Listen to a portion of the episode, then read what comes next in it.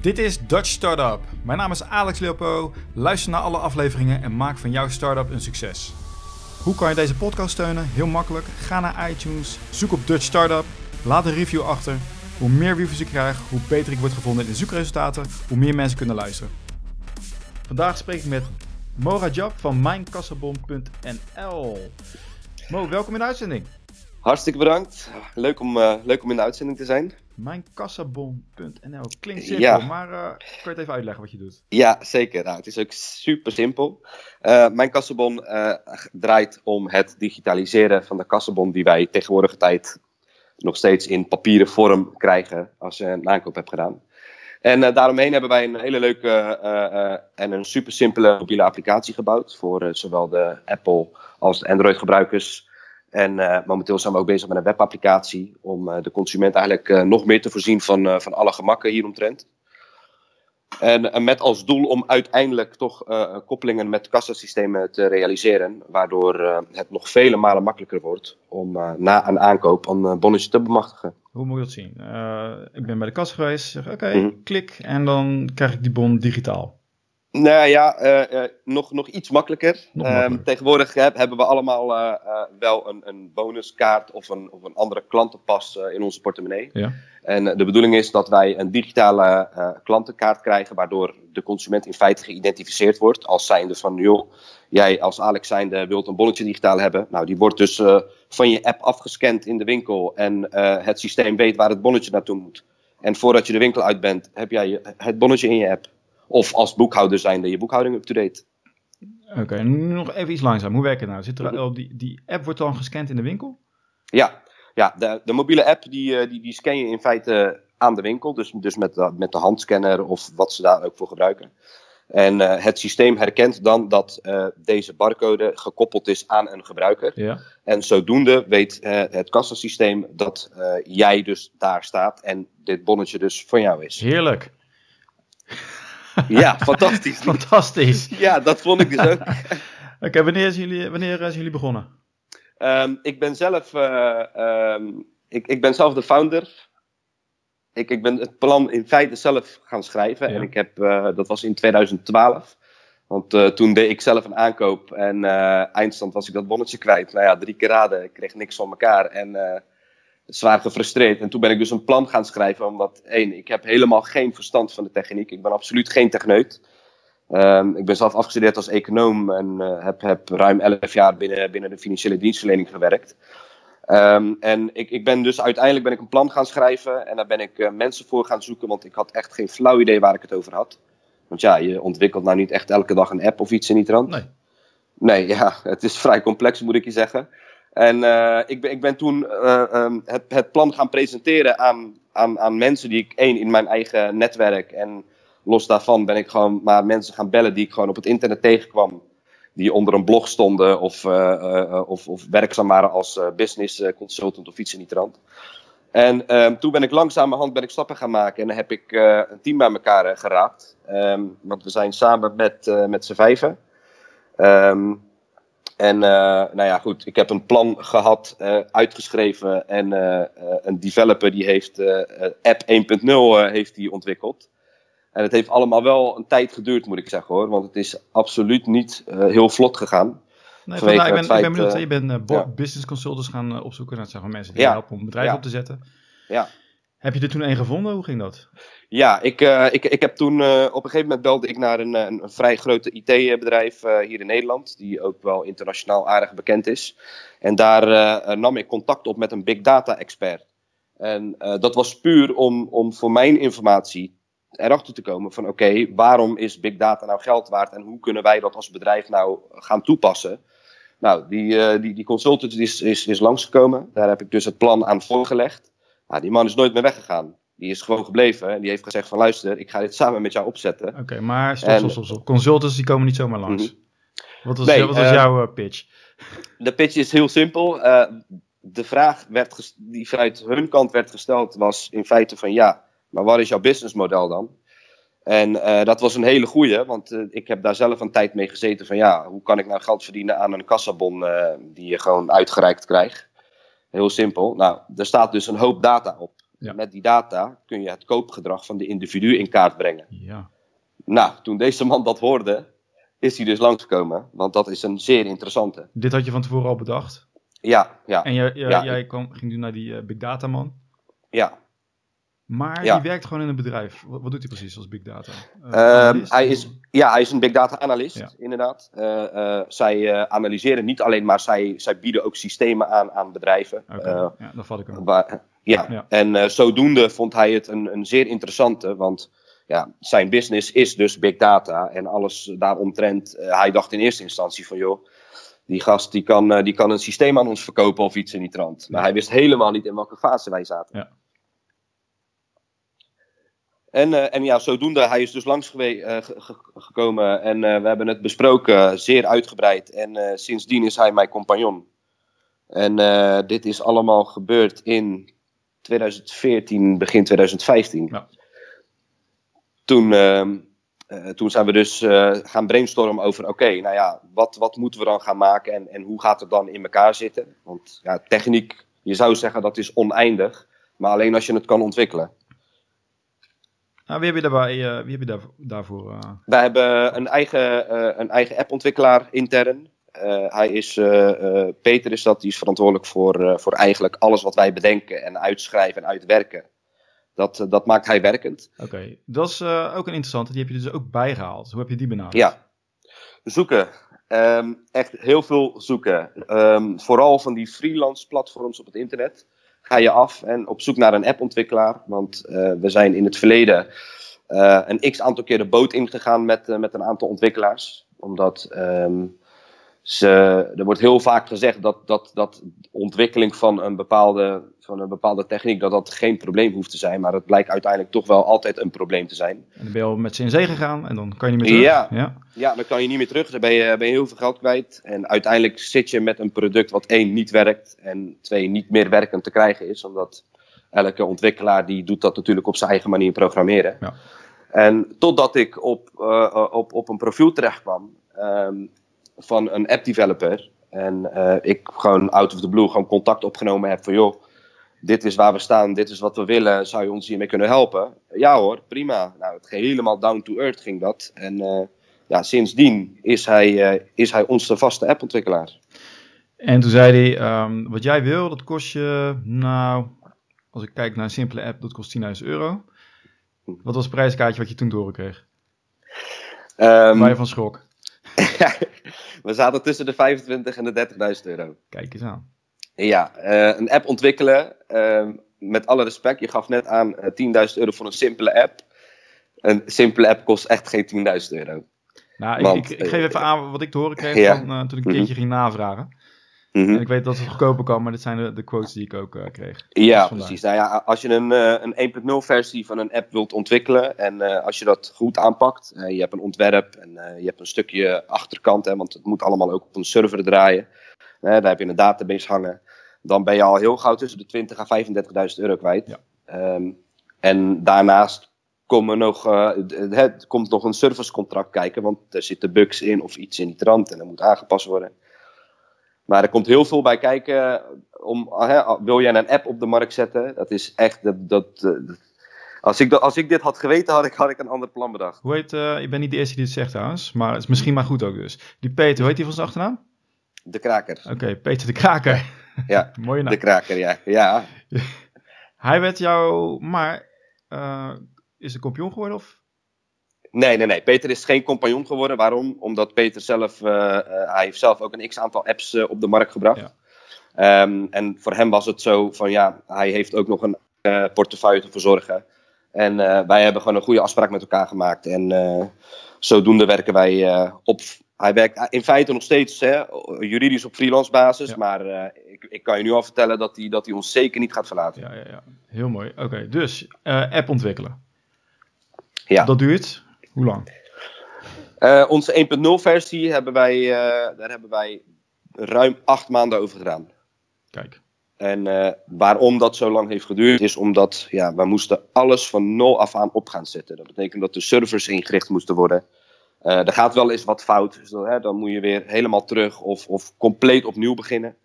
je hebt ook te maken met een ontwerp wat niet altijd even gemakkelijk te implementeren is. Dan wel een ontwerp wat niet helemaal past. Ehm, plus, je hebt, het ook, je hebt ook te maken met, we hebben een Android-app en we hebben een iOS-app. Dus in feite, als je dat even relativeert, hebben we ongeveer vier maanden over één besturingssysteem gedaan. Ja. En nou ja, je bent in feite, we, waren daar echt zeven dagen in de week mee bezig. Maar wat ben jij dan, wat ben jij dan aan het doen als niet-technische man?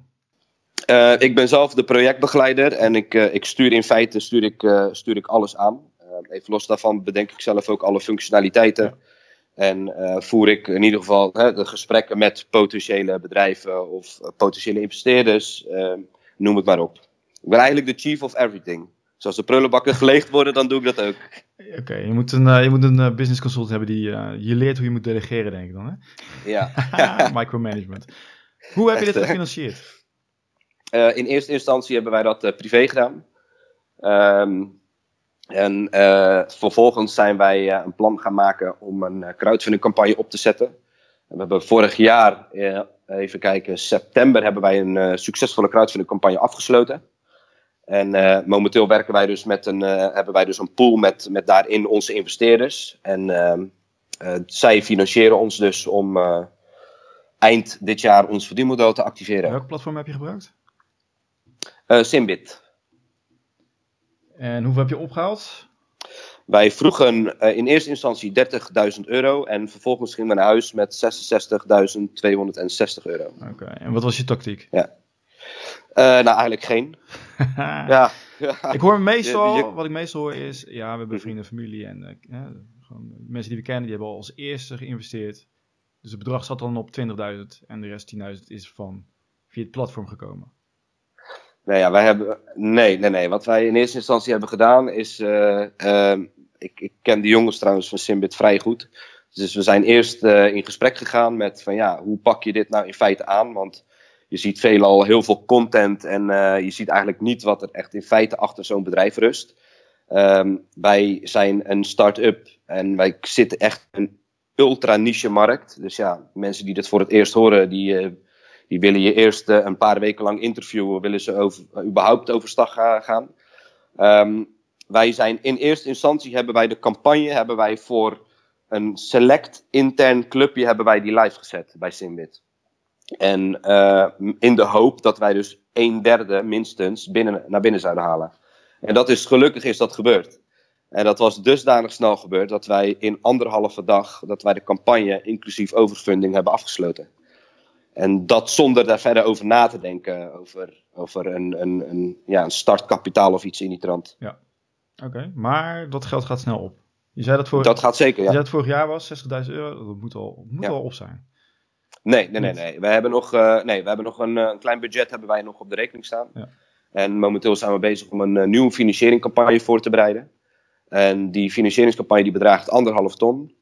En uh, volgend jaar gaan wij een veel grotere financieringscampagne uh, aan. Die wij momenteel ook al eigenlijk een klein beetje aan het voorbereiden zijn. En dat is een campagne die nog een stuk groter is. Want dan gaan we echt ver boven de miljoen zitten. Kijk, en hoeveel klanten heb je nu? Uh, wij zitten momenteel op om en bij de 25.000 gebruikers. Met een marketingbudget van tussen de 11 à 16 euro per dag. Dat is niks. En nee, dat is niet heel erg veel. Nee. Wat doe je? Uh, social media voornamelijk. Facebook? Ja, absoluut. Ja, het is, niet, het is, niet, uh, het is trouwens niet, niet, niet de meest ultieme situatie om alleen maar op, op social media te zitten. Maar bij, uh, met, met 66k kun je geen, geen, geen gedegen campagne voeren. Ik zit te kijken. Hè? je hebt dus voor um, zelfstandig ondernemers is het ook handel natuurlijk. Wie, voor wie bied je het nu aan? Momenteel uh, zijn het voornamelijk de consumenten. En er zijn een aantal kleine bedrijfjes in de omgeving waar wij gevestigd zitten. Die, uh, met, uh, die, die tussen de 10 à 20 man personeel hebben. En die de app momenteel aan het testen zijn op het gebied van hè, declareren.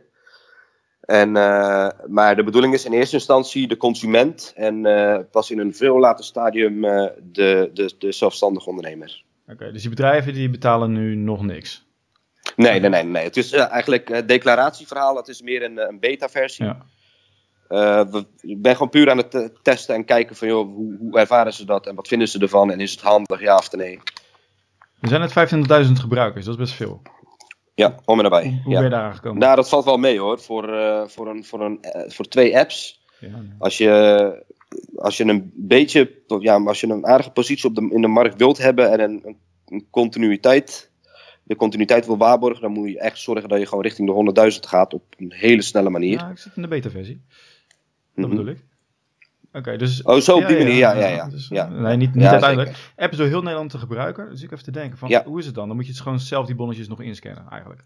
Ja, voorlopig is het zo dat wij, eh, dat wij eh, aan, het, aan het peilen zijn van, joh, hoe interessant de consument dit wel niet vindt. Want we hebben ruim 13 miljoen consumenten in Nederland wonen. En eh, hoeveel moeite wilt iemand nou feitelijk doen om zijn bonnetje dus te bewaren? Ja. En waarom bewaar jij dan je bonnetje? Is dat dan hè, vanwege je garantie? Of, of ehm, eh, ben je een, een, een, een echte controlfreak die, die je echt tot in detail zijn administratie wil bijhouden? Of iets in die trant? En wat krijg je terug? Eh, van alles en nog wat. Ja, van, van controlfreaks tot aan eh, ja, handig en tot aan leuk en tot aan eh, ja, retouren en garanties, noem het maar op. wat, wat doe je op die Facebook-reclame? wat, maak, wat zeg je dan? Wij hebben een, een, een, een, foto gemaakt van een, van een handtas en een mobiele telefoon. Ja. En nou, daar is dus onze app in te zien. En wij, wij komen eigenlijk uit met, joh, vergeet je kassabon niet. Of denk aan je garantie. Of hou je je retourtermijn wel in de gaten. En dat, soort, dat soort korte bullet points. En eh, ja, je ziet toch steeds vaker dat mensen, die zien steeds meer het nut ervan in. Maar wij als bedrijf zijn er ook. Want nogmaals, het is een ultra niche markt waar we in zitten. Ja, weet ik, eigenlijk, weet ik eigenlijk niet. Kassabon, dat is voor alle ondernemers in Nederland erg handig. Mhm. Ja, alleen eh, tot daar aan toe en verder denk je er niet over na. Ik bedoel, als jij eh, als consument bijvoorbeeld eh, je aankopen doet, Ja? ja, je stopt dat bonnetje overal weg, het is kwijt, het is verfrommeld en, en noem het maar op. Niemand denkt er verder over na, omdat het verder geen toegevoegde waarde heeft. Nee, maar er zijn aardig wat ondernemers in Nederland. Zit je al, Dat eh, zeker. Zit je al boven, boven Maar- miljoen, bedoel ik. Ja, maar vergis je niet. Kijk, je hebt eh, steeds meer boekhoudpakketten. die eh, hebben natuurlijk ook allemaal hun eigen apps. En eh, ja, waar. waarmee je dus hè, bonnetjes kunt fotograferen en dat soort zaken. Ja. Dus waarom zien jullie, wat is het onderscheid bij jullie? In dit stadium. stadium. Ehm, kijk, die ondernemer is, is voorlopig nog eventjes niet heel belangrijk. Ja, oké. Ehm, voor, ja, voor ons is het heel belangrijk dat wij zoveel mogelijk consumenten aan ons kunnen linken. Zodat wij op termijn het koopgedrag in kaart kunnen brengen voor een heel land. Oké, ik vat hem. En dan ga je, kan je dat, ga je dat verkopen aan andere bedrijven? Nee, want eh, de data willen wij eh, niet, niet, niet verkopen. Eh, de data is in feite gewoon van de consument. Wat wij wel doen, is de data die anonymiseren wij. Ja. En die plaatsen wij in een nog te ontwikkelen systeem. Dat is een analytische, analytisch systeem waarmee wij dus gaan gedrags- en patronen gaan proberen te herkennen en, en aankopen gaan proberen te voorspellen op basis van eigenlijk de data die, die op jouw bonnetje staat. Hoeveel mensen moet je dan hebben voordat het nuttig wordt? Ehm, nou, dan moet je wel echt richting de paar honderdduizend gebruikers gaan.